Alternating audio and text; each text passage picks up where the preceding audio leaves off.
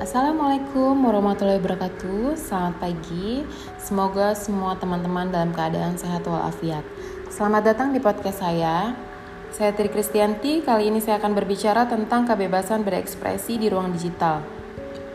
Saya akan mengulas bagaimana dengan bijak berekspresi di ruang digital dengan tetap memperhatikan norma-norma yang berlaku Komisioner Komisi Nasional Hak Asasi Manusia mengatakan situasi hak-hak digital tahun ini semakin mencekam. Kenapa? Karena kita harus berhenti sejenak untuk memahami arti dari kebebasan berekspresi. Mengartikan kebebasan berekspresi sebagai metode dalam mencari suatu kebenaran. Aktivitas ini akhirnya memberikan kebebasan kepada kita untuk mencari, menerima, serta menyebarkan informasi yang juga diikuti oleh perbincangan terhadapnya. Hal ini didasari oleh pemahaman Locke bahwa setiap individu merupakan sebuah unit yang memiliki nilai serta pembawa hak-hak untuk hidup bebas, memiliki dan mengejar kebahagiaan. Namun, dalam penerapannya, kebebasan berekspresi akhirnya sering dihadapkan oleh beragam tantangan, kondisi yang patut disayangkan, mengingat pasal 19 Deklarasi Universal Hak Asasi Manusia sudah menekankan bahwasanya hak kebebasan berpendapat dan berekspresi melekat pada setiap orang. Hak tersebut pun bersifat transnasional dan harus bebas dari intervensi.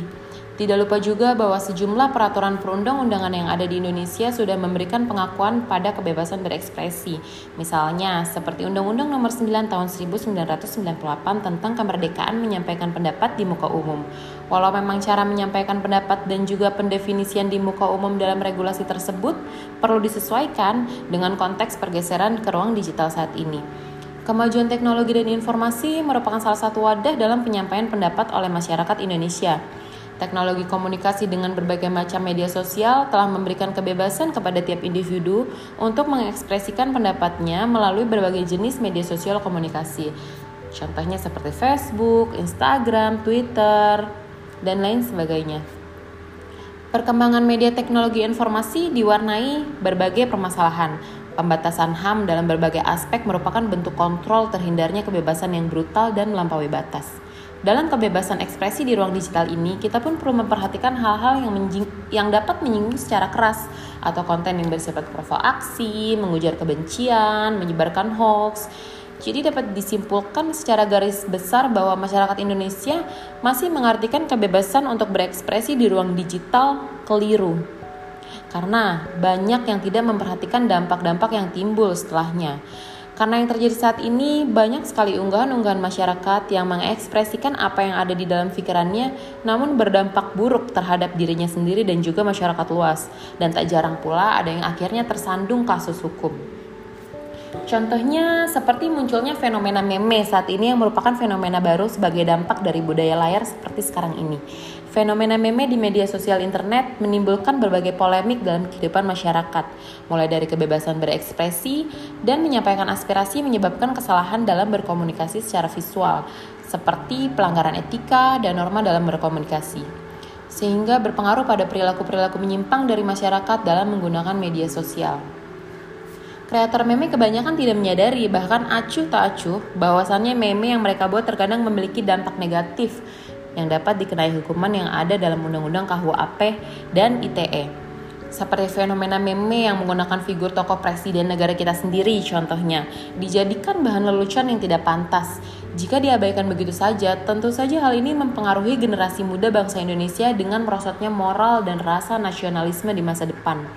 Oleh karena itu, menurut saya, menurut saya masyarakat dihadapkan kepada kondisi yang harus sangat lebih selektif dan teliti dalam memanfaatkan media dan untuk kreator meme diharapkan dapat lebih memperhatikan etika berkomunikasi dalam menciptakan karya yang tidak berbau sara serta menyinggung pihak lain. Ruang publik adalah milik semua orang, betul.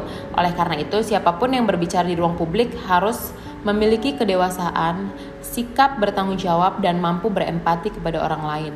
Kebebasan berpendapat yang tanpa etika dan sikap hormat kepada orang lain akan melahirkan anarki. Jadi sangat penting untuk kita mengingatkan kepada semua pihak, khususnya unsur-unsur politik untuk tidak menggunakan media sosial maupun media massa sebagai sarana untuk menebarkan sikap permusuhan, kebencian, sikap acuh tak acuh yang berdimensi politik, agama, etnis maupun golongan. Media sosial dan media massa harus ditempatkan sebagai sarana untuk berbagi dan mewujudkan empati sosial. Jadi kesimpulannya adalah kita boleh berekspresi namun tetap memperhatikan norma-norma yang ada ya guys.